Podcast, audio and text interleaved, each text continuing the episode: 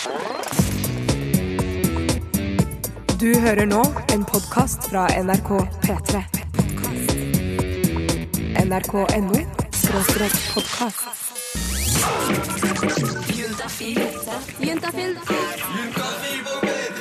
Med programleder Tuva Fellmann.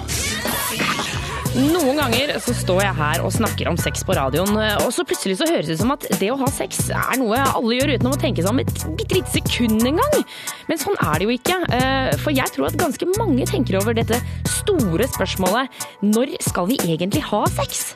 Eh, Se for deg at du har truffet en person. Du kjenner at du liker eh, hun eller han ganske godt. Dere begynner å henge. Du merker at personen liker deg tilbake. Og hvor lenge skal man da vente med sex? Eller skal man ikke vente i det hele tatt? Er det bare å hoppe i høyet? Eller er det en eller annen regel eh, om at man må gå tre dates før noe som helst kan skje? Eller må man kysse innen første daten for så å kunne ha sex på den fjerde? Altså, det er, det, jeg kjenner at det er, jeg er bekymra for at det er så mye uskrevne regler, og da kommer jo også spørsmålene blir egentlig sexen bedre om man venter? Eh, og er det sant at hvis man ligger med en person første gang du treffer dem, så kan det aldri bli noe mer? Da er liksom kjærestemulighetene ødelagt. Dette her, eh, og mange flere spørsmål, tro det eller ei, skal vi jobbe oss igjennom i løpet av dagens tre timers sending med Juntafil. Og hvis det er sånn at du tenker at du har svarene på noen av disse spørsmålene, så vil jeg gjerne ha de på SMS. Nummeret er 2026, kodet er juntafil. Dette her er en anonym tjeneste, så dette er også nummeret hvor du kan sende dine spørsmål om kukost, klamydia og flørting. Med andre ord dine spørsmål om sex, kropp og følelser. Nummeret var altså 2026, kodet er juntafil. Husk å ta med kjønn og alder, så vi får gitt deg et riktig svar. Du skal straks svare på SMS. Jeg heter Tuva Fellmann og blir her helt frem til klokka åtte i kveld. Send en SMS, med kodeord. Kodeordet juntafil til 2026. 2026. Og Karina fra SUS har kommet inn i studio. Velkommen, Karina. Hei, hei. Du, SUS det står for Senter for ungdomshelse, samliv og seksualitet. Og i dag så skal du hjelpe til med å svare på SMS her på, på Juntafil. Har du gleda deg hele dagen? Ja, naturligvis. Ja, Det tenkte jeg meg. Det skjønner jeg, det skjønner jeg godt.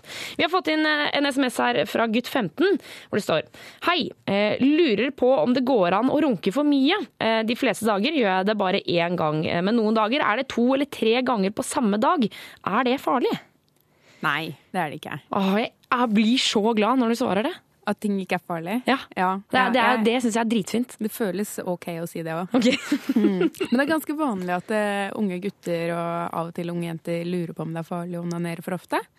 Og det er litt viktig å si nei, det er ikke farlig, men det vi pleier å si, da, det er at hvis man begynner å onanere så mye at det går utover andre ting i livet, sånn som eksempel eh, skolearbeid eller venner eller ja. Hvor det blir liksom sånn Vil du være med på kino? Nei, jeg kan ikke. Jeg skal nemlig hjem og runke. Ja, Hvis man sier nei fordi at da får man ikke runket, liksom, da kan det hende at det har tatt litt overhånd. Ja, Eller så må du begynne å runke på natta, eventuelt. ja, altså, ja, men, ja, ikke sant? Men så lenge du gjør det på natta da, istedenfor å, å droppe liksom eh, andre deler av livet. Men det er ikke så veldig vanlig at man kommer i den situasjonen. Altså. Og så er det viktig å si at når du er 15 år og gutt, sånn som man her, eller 15 år jente, så er det veldig normalt å onanere mye mer enn det man eh, eh, sannsynligvis kommer til å holde på med når man blir voksen og, og livet, livet begynner å bli lenger. Ja, for Det tenker jeg er kanskje litt betryggende for gutt 15 å vite at når han blir 45, så er det fortsatt Det er ikke sånn at han da runker tre ganger om dagen da. Nei, det er veldig usannsynlig. Kanskje perioder, og det er altså sannsynligvis perioder. Plutselig kommer han til å bli kjempeviril og gjøre,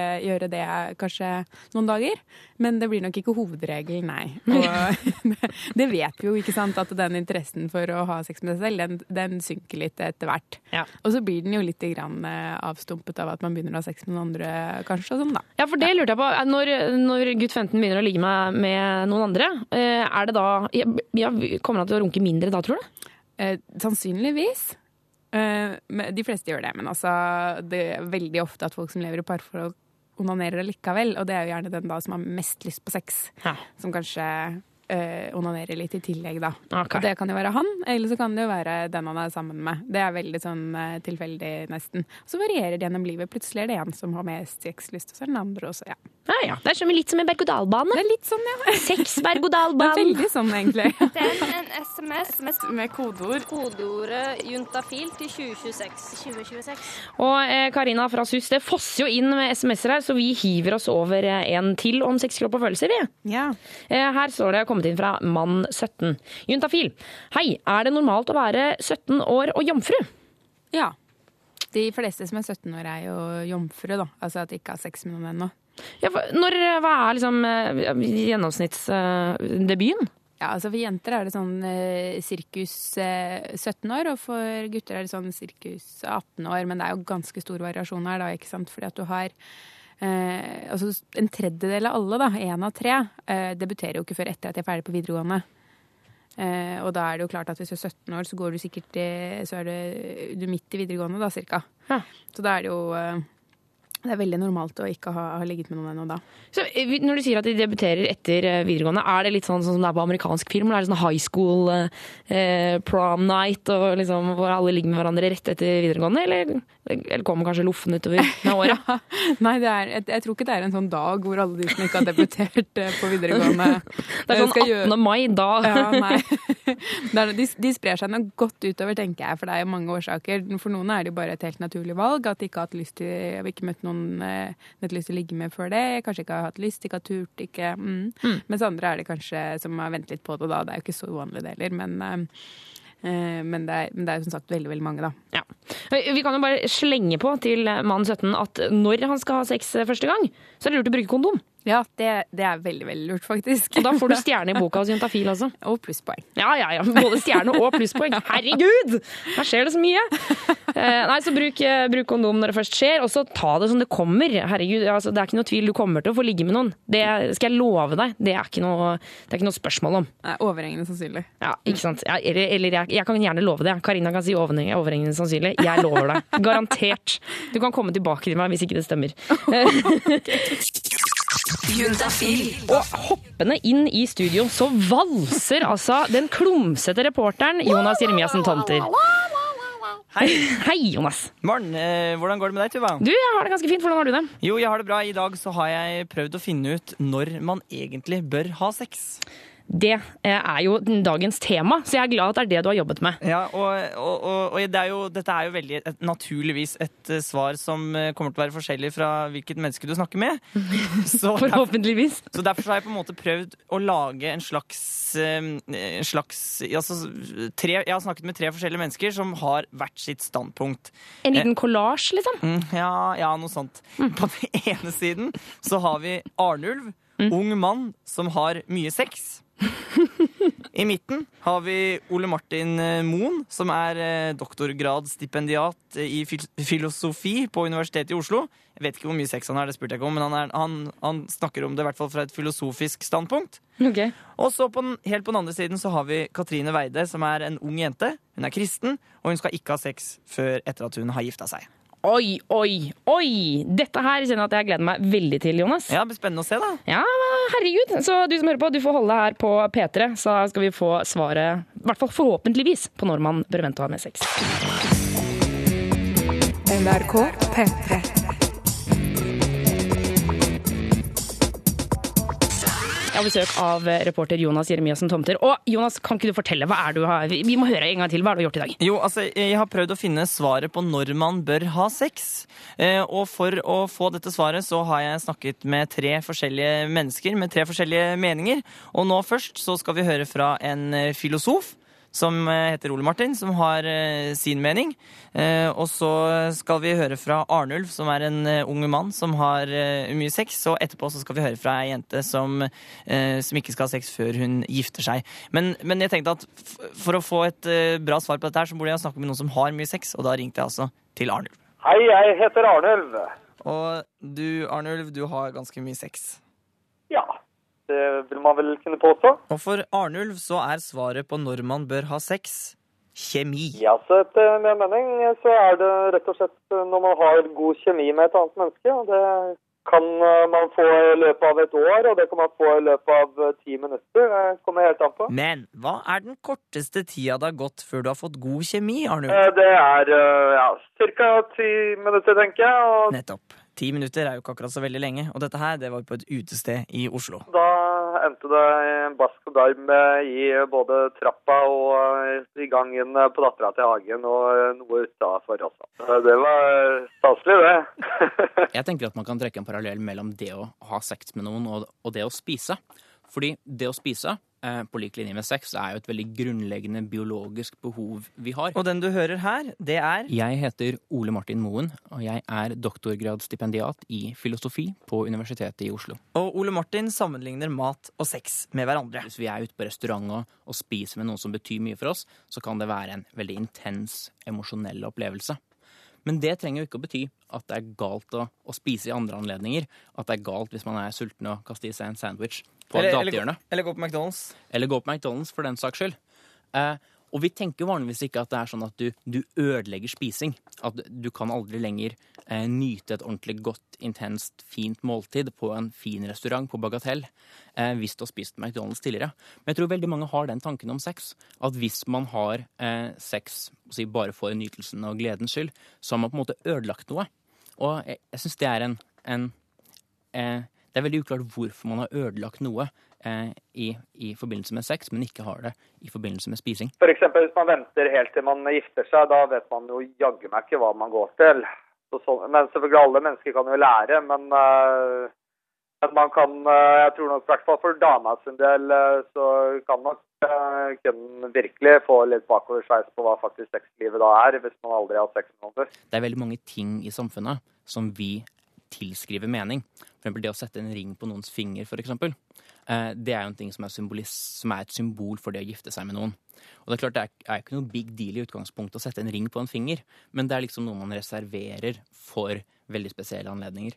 Eh, kanskje bare én spesiell anledning i løpet av livet for, for en del. Og for Ole Martin blir det med sex noe av det samme. Hvilken symbolverdi legger du i det å ha sex med noen? Da er det spørsmål vil man tillegge sex en slik betydning. Skal man tillegge sex en slik symbolsk rolle? At det er noe man gjør først når man er innenfor et ekteskap eller har et stabilt forhold, f.eks. Og jeg tenker at det er noe det er vanskelig å gi et fasitsvar på.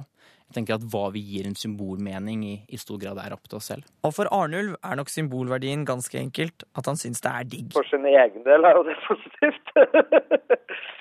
Uh, hadde vært himla kjedelig hvis man aldri hadde sex. Ja, Jonas. Himla kjedelig hvis man aldri hadde sex. Du skal ikke, skal ikke stikke dere under noen stol. Vi skal høre med ei jente som ikke har så mye sex eh, etterpå. Å ja, det blir spennende. Kristen? Jepp. Nettopp, nettopp, nettopp. Juntafil. Røyksopp og eple ti over halv seks. Vi ble litt sånn døsige av den her, Jonas. Men jeg får alltid lyst på, jeg får alltid lyst på eple. Ja, ok. Fordi at den heter eple? Ja. Logisk nok, logisk nok. Så eh, straks skal jeg gå og finne meg et eple. Men nok om det. Ja. I stad så hørte vi jo fra Arnulf, som er en ung mann som eh, liker å ha mye sex, og Ole Martin Moen, som er eh, doktorgradsstipendiat i filosofi, eh, diskutere dette her Eller ikke diskuterte ikke da jeg snakka med dem, om, om eh, når man bør ha sex.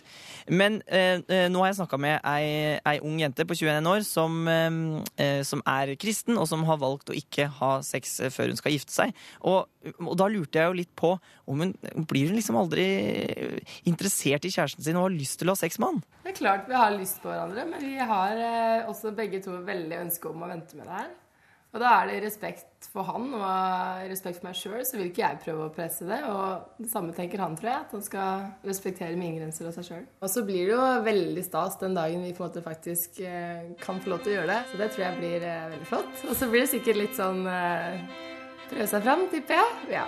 Men det blir jo bare Det blir fint. Og jenta som vil vente med å prøve seg fram, er Ja, hei. Jeg heter Katrine Elisabeth Magnus Weide. Jeg er 21 år, kommer fra Gjøvik og bor for tida i Oslo. Og skal vente. Og skal vente med sex til jeg er gift. Og verken Katrine eller kjæresten har så veldig bred seng. Jeg har 90. Og kjæresten har bare en 75 cm bred seng. Ja, så det blir ofte madrass. For å si det sånn. Stort sett. Men er dette planlagt, siden begge to er kristne og ikke skal ha sex før de har gifta seg? Eh, nei, jeg tenkte aldri på det da jeg kjøpte den senga. Jeg tror jeg kan gjorde heller. Jeg tror han har flytta med seg hjemme fra barndomshjemmet. Så Det er praktisk, da. ikke sant. La oss rygge et halvt år tilbake. Vi møttes i bryllupet til broren hans. Jeg kjente svigerinna. Eh, Jeg tenkte at han eh, var veldig Han var kjekk og veldig, virka som en veldig hyggelig kar. Så hadde veldig flott blikk, da. Så det var liksom noe i det blikket. Og nå har de blitt seriøse kjærester. Men sex, det skal de ikke ha før de eventuelt gifter seg. Fordi at eh, jeg tror det er best å gjøre det med én person. At det blir litt mer eh, spesielt da. Jeg tror det er sånn det var skapt til å brukes òg. Så tror jeg det er veldig mange andre områder man skal klaffe på enn eh, akkurat sex, da. Så det er veldig mange andre ting man burde bli kjent med også, og ikke bare åssen man fungerer sånn sett. For det tror jeg man eh, finner ut av når man eventuelt bestemmer seg for å leve sammen. Vi har noen grenser som vi er flinke til å holde oss til, og det snakker vi veldig mye om, da. Og så snakker vi mye om eh, ja, at vi blir gira, eller at det er vanskelig, eller Jeg tror bare det å snakke åpent om det, det hjelper oss veldig. Hender det at vi overnatter sammen, men det er ikke sånn at vi bor jo ikke sammen. Så hadde vi bodd sammen, da hadde det nok ryket vil jeg tro. Det blir jo nesten Det blir litt umenneskelig å skulle vente med det. Så, men vi bor ikke sammen, og da blir det også lettere å Men tenk om det ikke blir noe bra sex, da. Hvis man i utgangspunktet har lyst til å være kjærester, så tror jeg man har, eh, skal få til et bra sexliv òg. Er du helt sikker? Tenk om det blir skikkelig dårlig, da. Ja, da får vi lese noen bøker, da. Og snakke med folk som kan komme med tips. Greit. Så svaret på spørsmålet 'når bør man ha sex?' er Jeg tror det er best å vente til man er eh, i et forpliktende forhold med trygge rammer, og for meg så er det ekteskap. Ja, Jonas. Eh, Skal vi, skal vi komme med noen kloke etterord, eller skal vi bare Nei, jeg har lyst til at folk skal sende inn en anonym melding med kodeord juntafil til 2026 og fortelle hva de mener Altså når, øh, øh, når de mener man bør ha sex. Ja, det er sant. Det vil, vil vi gjerne ha. Eh, SMS 2026, eh, kodeord juntafil. Jeg tror ikke det er noe fasit på det her, jeg. Jeg tror ikke det heller. Det jeg kan si er eh, tusen takk, eh, Jonas Jeremiassen Tomter. Det var hyggelig å preike med deg i dag. Bare hyggelig. Først til ukens viktigste nyhet. G-punktet er funnet. Riktignok bare på én kvinne, som en russisk gynekolog måtte kutte opp for å finne den mye omtalte spetakkelknappen. Men han mener at dette er bevis på at G-punktet finnes på alle. Han beskriver G-punktet som en tydelig avgrenset druestor sekkformasjon på skjedens fremre vegg, omtrent 1,65 cm i avstand fra øvre del av urinåpningen. Så da er det bare å kose seg, jenter. Bare husk å ta med kart og kompass.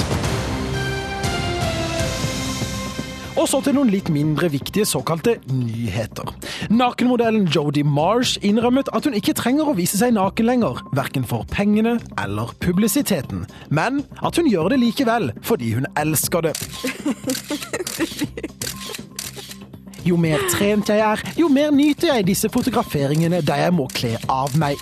Jeg har alltid likt det, men nå er jeg så fornøyd med kroppen min at jeg kunne kledd av meg hvor som helst, forklarer hun. Ja, for det er vel sånn at hvis man er nakenmodell, så er jo det viktigste at man sjøl liker å være naken. Dagbladet kan endelig bistå med viktig hjelp til alle kvinner denne uken, da de publiserte saken 'Slik vet du at mensen er for kraftig'. Og hvordan vet man at mensen er for kraftig? Jo, overlege ved kvinneklinikken på St. Olavs hospital, Mette Moen, gir rådet hvis du må holde deg hjemme under menstruasjon fordi du blør gjennom bind og tamponger, kan du ha for kraftige blødninger og bør oppsøke lege. Det er godt at ikke alle gode råd er dyre. Juntafil. Send en SMS med kodeord. Kodeordet juntafil til 2026. 2026. Eh, For eh, hvis du som sitter og hører på har noen spørsmål om noen rare ting som foregår i kroppen din, utafor kroppen din eller ja, et eller annet sted, så kan du stille de til 2026 koderuntafil, og da er det du som sitter og svarer, Karina. Ja, det er det. Eh, Og nå har vi fått inn en, en melding her hvor det står Jeg blør ganske mye, typ tredje dag mens, cirka under eggløsning.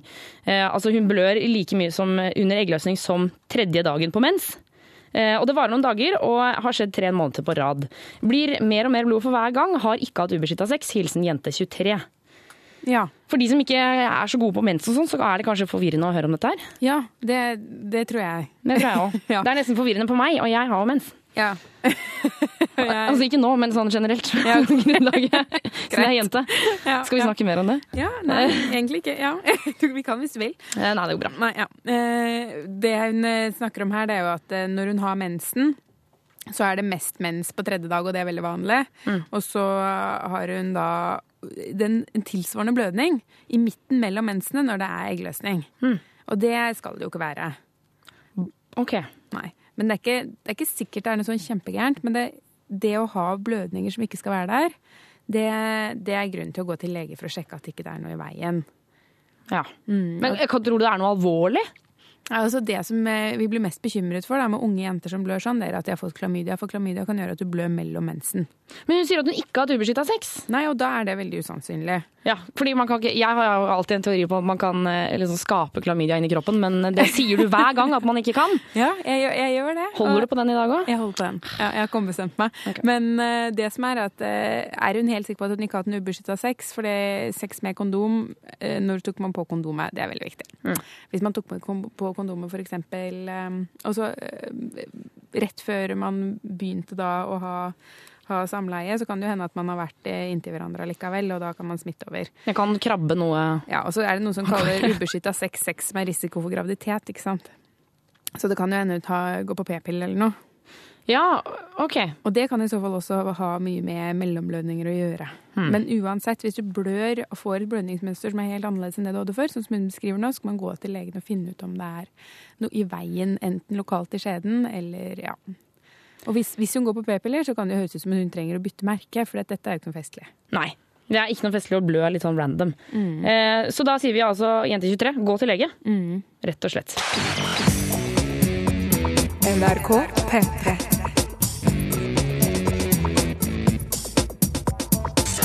Det er, jo, eh, det er jo litt viktig at det ikke bare er jeg som sitter her og synser om når folk skal ligge sammen på radioen. Eh, Det er vel egentlig ingen som skal synse om når du burde ha sex. Men for å gi deg noen eh, alternative valg, så har vi invitert dagens panel inn i studio. Eh, Og jeg har gleden av å si velkommen til Ilmi, Lars Martin og Benjamin. Hei, folkens! Hei, Tuva. Du, dere, for, å, for at vi skal bli litt kjent med dere, så må vi ta en liten runde på alder, legning og når du hadde sex sist, tipper jeg. Så Lars Martin, vi begynner med deg. Ja. Eh, 22 år, heterofil, og jeg hadde sex på lørdag. På lørdag? Ja. Lørdag natt? ja søndag morgen. ok, det var en av de. En av. Eh, Ilmi, hva med deg? Jeg er 24 år, singel, hadde sex før påskeferien. Ok. Og Benjamin? Eh, Jeg er 20, straks eh, 21. Eh, og eh, homse. Jeg hadde sex sist for eh, en liten time siden. Nei! Tuller du? Ja, jeg har akkurat eh, blitt samboer, så det, det blir mye av det da. Du er rett og slett nypult når du kommer opp til jentafil? Ja. Fytte rakkeren! Nesten så glidemiddelet henger igjen enda. Nei, hallo! Og som du sikkert skjønner, så blir det her en eh, fin gjeng som vi skal snakke videre med. Det er nesten som glidemiddelet henger igjen. Det var litt, eh, det var litt tacky sagt, føler jeg. Er litt tacky. Nei, det er fint. Vi skal høre når panelet syns at man eh, burde ha sex, eh, eller om man kanskje burde vente, hvor lenge, hva som skjer, og ikke minst skal vi snakke om one night stand. Det er jo mitt favorittema. Jeg syns det er så gøy. Hva tenker dere, panelet? Liker dere one night stands? Elsker det. Ja. ikke nå- ikke- ikke nå lenger. Ikke nå lenger, nei. Samboer, ja. Det er fordi jenter er naive. Ikke sant? Og det er, det er ikke noe som heter sexpoliti. en gutt blir venner med en jente, så må gutten være homo. Panel, panel, panel. Dagens panel er på plass i studio. Det er Lars Martin, Ilmi og Benjamin som sitter her. Eh, Er dere, dere er glad og fornøyde, panelet? Ja. Ja. Ja, ok. Det var... Hallo! Unnskyld meg, vi fant, eh, vi fant ut av noe under låta her at Lars Martin, du har bursdag i dag. Ja. Hvordan, altså, hallo! Vi må ha en stor feiring av deg, liksom. Jeg, jeg, håper at noen, at jeg håper at du får ligge med noen i kveld. Siden det er bursdagen din, liksom. Du håper det, du også? Hva, var det et tilbud, Tuva? Nei, eh, jeg driver ikke og prosederer meg på radioen. skjønner du? Der, der, der går grensa mi. Tro det eller ei. Eh, Men vi snakker om dette med hvor lenge man skal vente med sex. eh, Og si da, hvis, vi, hvis man er i et forhold. Eller kan man vente med sex helt til, helt til man har blitt sammen? Hva syns dere om det? Nei, jeg syns jo at man kan, man kan vente litt. Og se an litt kjemien og sånne ting. Ja, Helt til man blir, hvis man blir, til man blir kjærester? Nei, ikke så lenge. Det, det syns jeg er litt eh, flåsete, for da drøyer du liksom det uunngåelige. Hva, hva tenker du, Ilmi? Jeg syns det er greit å hoppe i det. Hoppe i Kjenne sexen? litt på det. Når det kjennes godt, så syns jeg man kan gjøre det. Men eh, Lars Martin, tror du det kan være sånn at hvis man venter eh, med å ligge med kjæresten sin til man sier ok, nå er vi sammen, eh, opp på Facebook og tjo hei, så plutselig så ender det opp med liksom elendig sex og bare fuck, nå må vi slå opp? Ja, det Man kan vel eh, prøve ut nye ting, da. Så finne noe som begge liker. Ok, så det, så det er potensial der selv om første runden er dårlig? Ja, det vil jeg tro. Ja, det er bra. Men er det noe av dere som noen gang har venta? Ja. Alle, egentlig. Benjamin, du, liksom, du, ser litt, du får litt sånn stjerner i øynene. Ja, jeg, jeg prøvde å, å vente med, med min nåværende samboer, faktisk. Eh, vi hadde tre dates eh, før det liksom Da klarte vi ikke å vente lenger, så da, da ble det en liten BJ. En liten BJ, er det blowjob?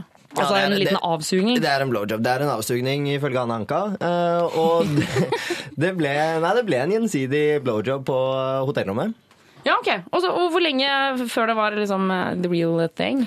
Det var vel før det ble fullt, eh, fullt analfres, så gikk det vel en eh, halvannen måned, kanskje, hvis jeg ikke husker helt feil. det, var, det var da vi ble liksom eksklusive mens vi holdt på. Så da var det på tide å slappe den inn.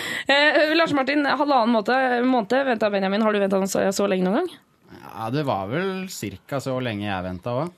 Ok. Um, det var egentlig bare jeg som venta, da. Jeg tror hun uh, bare dro den ut mens eh, jeg eh, ble holdt på pinebenken. Så hun gjorde det litt med vilje? Ja, kan vel kanskje eh, si det sånn, da. Er ikke det litt slemt, da? Det er veldig slemt, syns jeg. Men Ilmi, tror du sexen blir bedre av å vente? Nei. Ok. det ligger noen ganske i kortene når man møtes, hvordan det kommer til å bli gjennom kjemien man har. Så, så god kjemi er lik god sex? Ja, absolutt. Nei, der er jeg faktisk litt uenig. Er du det? Nei. Ja. Jo, jeg tror at man kan ha dårlig kjemi og kjempegod sex. Ja, og, så, men- og så tror jeg man kan ha god kjemi Nei, dårlig kjemi og Nei.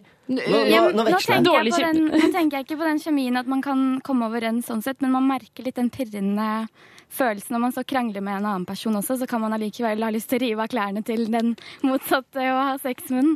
Det er sånn jeg tenker da, at det, ja. Så, det, så, så lenge pirringa er der, så kommer det til å komme Ja. noe godt ut av det? Absolutt. Absolutt. Vi skal snakke mer med panelet om dette med one night stand. Om det noen gang kan bli noe mer enn bare pøking av det, så hold det her på Juntafil. Det er fordi jenter er naive. Ikke sant? Og det er, det er ikke noe som heter Hvis sexpoliti. en gutt blir venner med en jente, så må gutten være homo. Panel. Eh, Jeg har en venn som en gang sa til meg at hvis du ligger med noen for første gang, eh, altså første gang du treffer de, så kommer det aldri til å bli noe mer.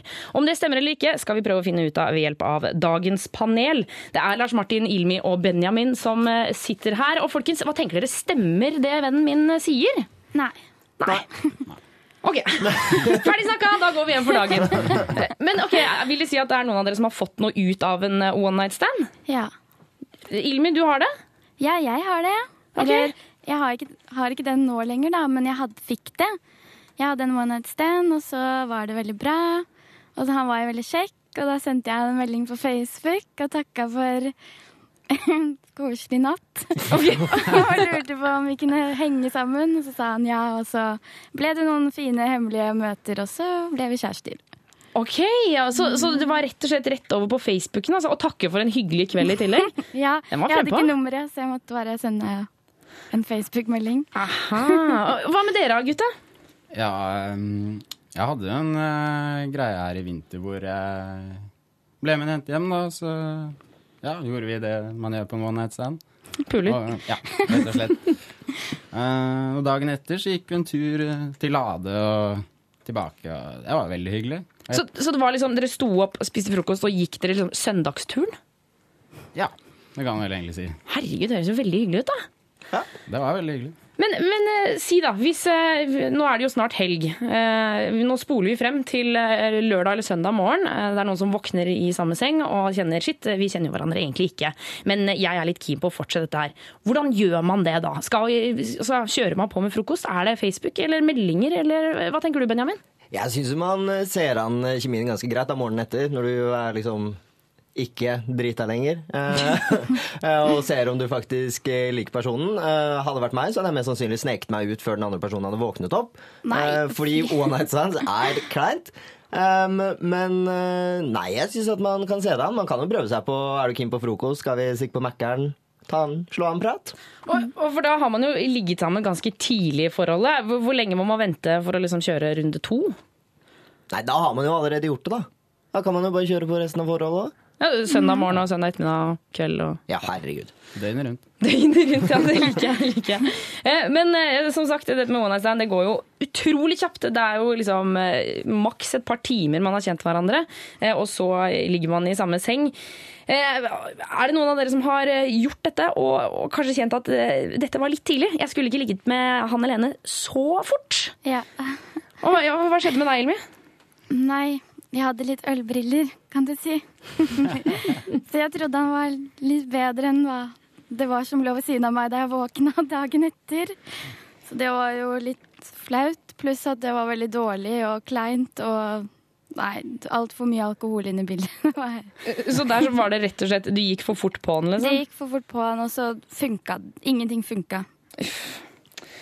Åh, jeg får nesten litt vondt i hjertet. Ja, jeg kjenner den følelsen altfor godt. OK, du gjør det. Ja, um, jeg fant jo ut at eh, jeg hadde ligget med en. Det er ganske lenge siden nå, da. Um, men så viste det seg at eh, litt senere så fant jeg ut at han var uh, noe av 30. Oi, ja! Og du er jo ikke gamle skrotten, Benjamin. Nei, jeg er en 20, jeg, vet du. Snart 21. Uh, så det syns jeg var helt forferdelig. Så, så hvis vi skal ta en liten sånn eh, lære, et lite lærepunkt her, så kanskje tenk deg i hvert fall litt om før du skal ha one night stand. Sjekk legg. Sjekk legg! Sjekk legg, ja. Og ikke ha ølbriller. Og ikke ha ølbriller. Ta av ølbrillene og finn frem lommeboka. Ja. Eh, Dagens panel, tusen takk for at dere kom innom i dag. Takk. Takk for oss. Og Lars Martin, ha en fantastisk bursdag videre.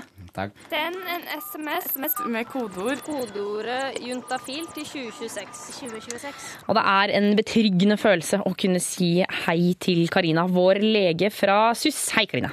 Hei, Tuva. Du, vi har fått inn eh, SMS til 2026, kodeord juntafil, fra mann22.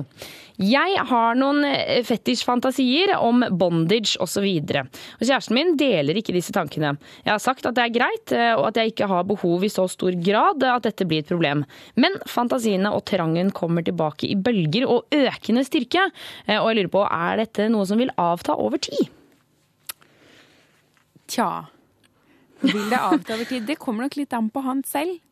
eh, Om det kommer til å gjøre det eller ikke. Men først så tenker jeg at eh, vi kan si noe om, eh, om fetisjer og, og ikke dele de med partneren sin. Ja, Først så må vi kanskje avklare hva bondage er. Ja.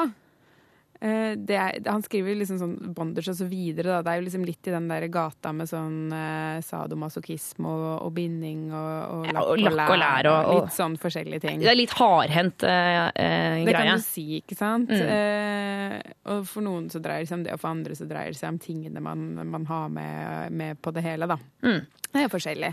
Og så deler han ikke dette med partneren sin, da, og det er jo så vanlig at eh, man har eh, noen man liker eller uh, har lyst til eller tenner på som man ikke deler med partneren sin. Mm. Og det må nesten være greit at man tenker litt forskjellig. Men så er det jo tydelig at for noen så blir det da et ønske om å gjøre noe som den andre ikke har lyst til. Ja. Mm. Eh, men- Kan jeg komme med et forslag? Ja. Det går jo an at, at hun kanskje eh, blir med på lite grann. Altså jeg mener sånn at det ikke nødvendigvis trenger å være kjettinger og opp ned i taket. men at hun eh, kanskje blir med på liksom litt mer sånn hardhendt sex av noe slag. Eh, Tror du det kunne vært noe? Lugge litt eller noe Altså, det er klart at De to kan jo på en måte finne sine egne grenser, da, ikke sant? Og, og, og se om kanskje det er noe de kan ha til felles allikevel. Mm. Eh, men ellers enn det så tror jeg det er viktig å huske på at det er helt normalt å gå og tenke på seksuelle aktiviteter som man ikke gjør. Ikke sant? Og ikke tenke at alle fantasier må virkelig altså, settes ut i virkeligheten, og alt man liker, må man gjøre. Fordi man kan velge selv hvor stor oppmerksomhet man skal vie da eh, de seksuelle fantasiene og disse eh, det han kaller da fetisjer. eh, For det er ikke sånn at vi må å leve ut alle fetisjene våre, men vi velger nok litt selv hvor store de skal bli for oss, ved å vie de mer eller mindre oppmerksomhet. Mm. Og for mange så fungerer det å ta uh, fetisjene sine og gjøre de opp, uh, om i hodet til fantasier. Du kan tenke på de, og få lyst til å ha sex med partneren sin av å tenke på de. Ja, så- men, og da vil du liksom ta med partneren inn i denne fantasien. Det kan man godt gjøre, ikke sant? Uten at man nødvendigvis trenger å gjennomføre handlingene med partneren. Å ja, sånn sett, ja. Da, da skjønner jeg hva du mener. Fordi at Hvis hun strekker seg for langt og blir med på hardhendt sex som hun ikke liker, så ender det bare med at hun ikke har lyst til å ha sex med han i det hele tatt lenger. Ja. Og det er jo tap-tap, ikke sant? Tap, tap, tap. Det er både kjipt for henne og han og forholdet. Og for- Det kommer det ingen vei med. Nå holdt jeg på å si 'og for oss', men eh, det er kanskje ikke så tap for oss. Vi får sikkert melding om det. Ja, ja. Så da er det egentlig vin for oss. Ja. Men, men uansett, ok, så, så han kan liksom tenke, tenke tankene, og eh, kanskje mens han er sammen med henne, men ikke nødvendigvis eh, leve ut, altså gjøre noe med det. Nei, ikke sant. Og det, det, det kan man bestemme litt. Og det er viktig å ikke bare eh, eh, redusere seg selv til en sånn ting som bare har seksuelle drifter og behov og tanker som man bare må leve ut. Istedenfor så er det nok lurt å, å, å, å ta litt grann kontroll. Ja, litt grann kontroll. Og så kan man jo spørre henne Altså, de, de kan jo prate om det og se om de kommer noen vei. Kanskje hun kan bli med på litt, grann, og at han må liksom ta vekk noe av fantasiene og, og prøve seg på noe annet. De kan sikkert komme veldig langt med litt sånn light eh, aktiviteter. Det du lurer på om livet? Juntafil. Og nå kjære lytter, er det på tide å stikke hodet ned i historiebøkene. Vår reporter Christian Ingebretsen har kommet inn i studio, og vi skal ha vår spalte Historien til.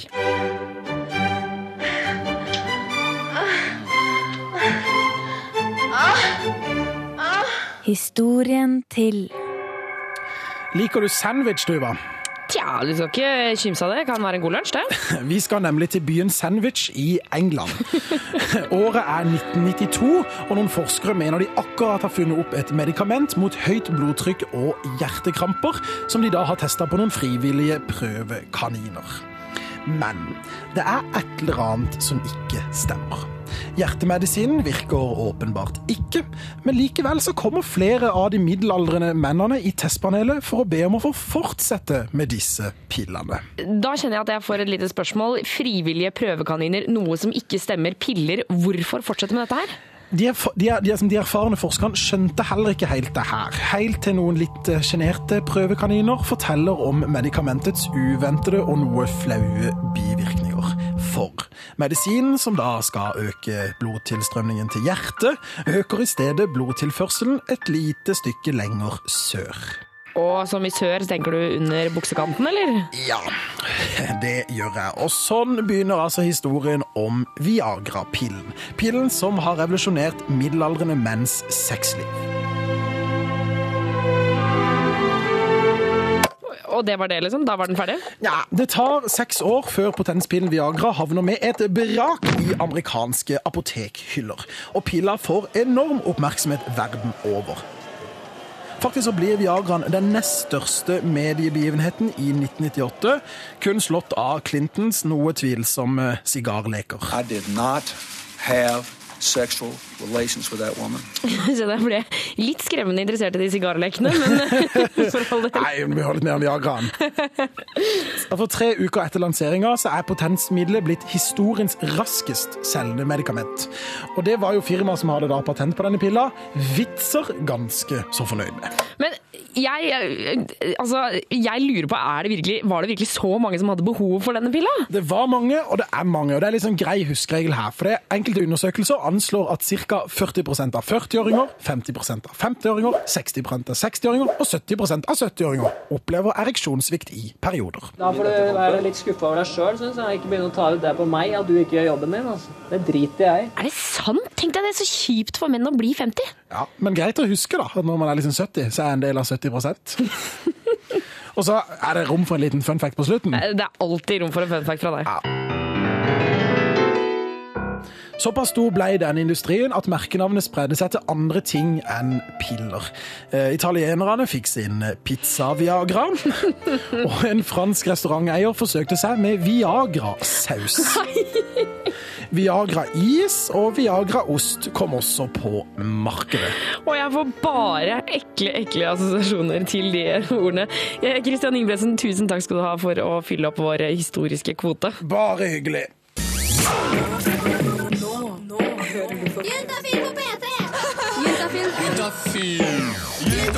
Fra fem til åtte. P3. Karoline Andersen hun har spilt i flere pornofilmer. Hun har vært stripper på utallige utdrikningslag og underholdt horder med menn som burleskdanser. Hun har med andre ord erfaring innenfor områder som de fleste av oss ikke vet så mye om. I hvert fall ikke jeg, vet nesten ingenting om det.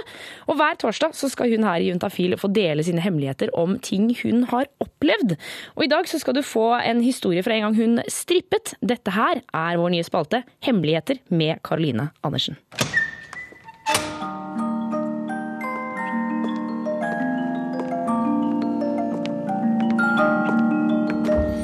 Hemmeligheter med Karoline Andersen.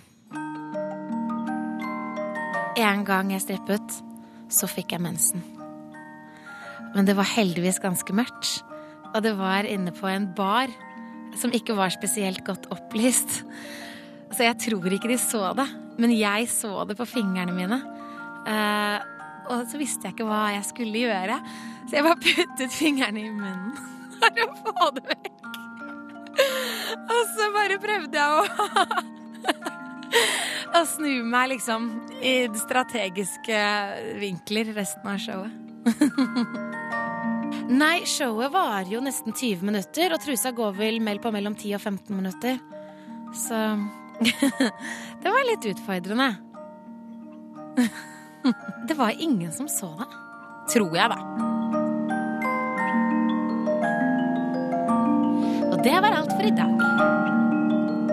Hemmeligheter med Karoline Andersen skal du altså få hver torsdag fremover her på Juntafil, som går mellom fem og åtte på NRK P3 på torsdager. Send en SMS med kodeord. Kodeordet juntafil til 2026. 2026. Og Karina fra SUS, vi skal svare på SMS, og det har kommet inn Hei, jeg blir ikke kvitt sopp i underlivet. Jeg har vært hos legen tre ganger og fått forskjellige legemidler hver gang. Ingenting hjelper. Hva kan jeg gjøre? Hilsen jente22. Ja. Eh, det her er jo litt leit, for de fleste som får sopp, de, det går jo over med en behandling eller to. Ja. Og sopp er supervanlig, så når veldig veldig mange får det, så vil noen få noen litt sånne gjenstridige sopper. Ja, Litt sånn tricky ones. Ja, ikke sant. Mm. Det som er, er at de fleste som har sopp, får sånn normal sopp. Men så er det noen som er så uheldige at de får den utypiske typen, da. Og det kan hende har skjedd med henne nå, at hun har fått en soppe... En sopp soppvenn som ikke er en vanlig soppvenn. En som er en uvenn, rett og slett? Ja, og som ikke, har, og som, og som ikke reagerer på de medisinene man vanligvis gir. Så eh, det kan godt hende at hun bør til en spesialist. Da, da, kan, da kan hun få henvisning til gynekolog. Som eh, vil kunne gjøre litt sånn eh, videre undersøkelser og, og finne ut akkurat hvilken type sopp hun har. Og på den måten kunne gi henne mer riktig behandling. Ok, Men Så det- kan ja. gynekologen liksom mer om uh, slufsa si, enn en vanlig lege? Gynekologen kan langt mer om eh, Hva kalte du det? Slufsa. Slufsen? Er slufsen, ja. Slufsen? Slufsa? Sluf, oh, ja, ok. Hallo. Ja, det var helt feil. Det er, gynekologen er ekspert på den, da. Ok, så, Eh, så vi skal dra til gynekologen? Ja, for det kan godt hende at det, det, dette kan løses med at hun tar medisiner i en lengre periode også. For noe sopp, det har liksom bitt seg fast så den, En soppvenn som har bitt seg fast så mye at den eh, ikke Den går ikke bort på en sånn vanlig kort kur. Nei. Men en lang kur.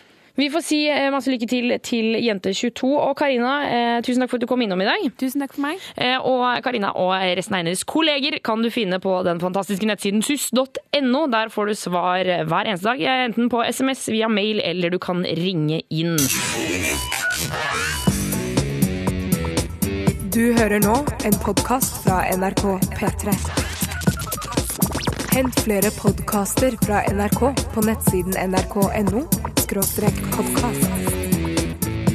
NRK P3.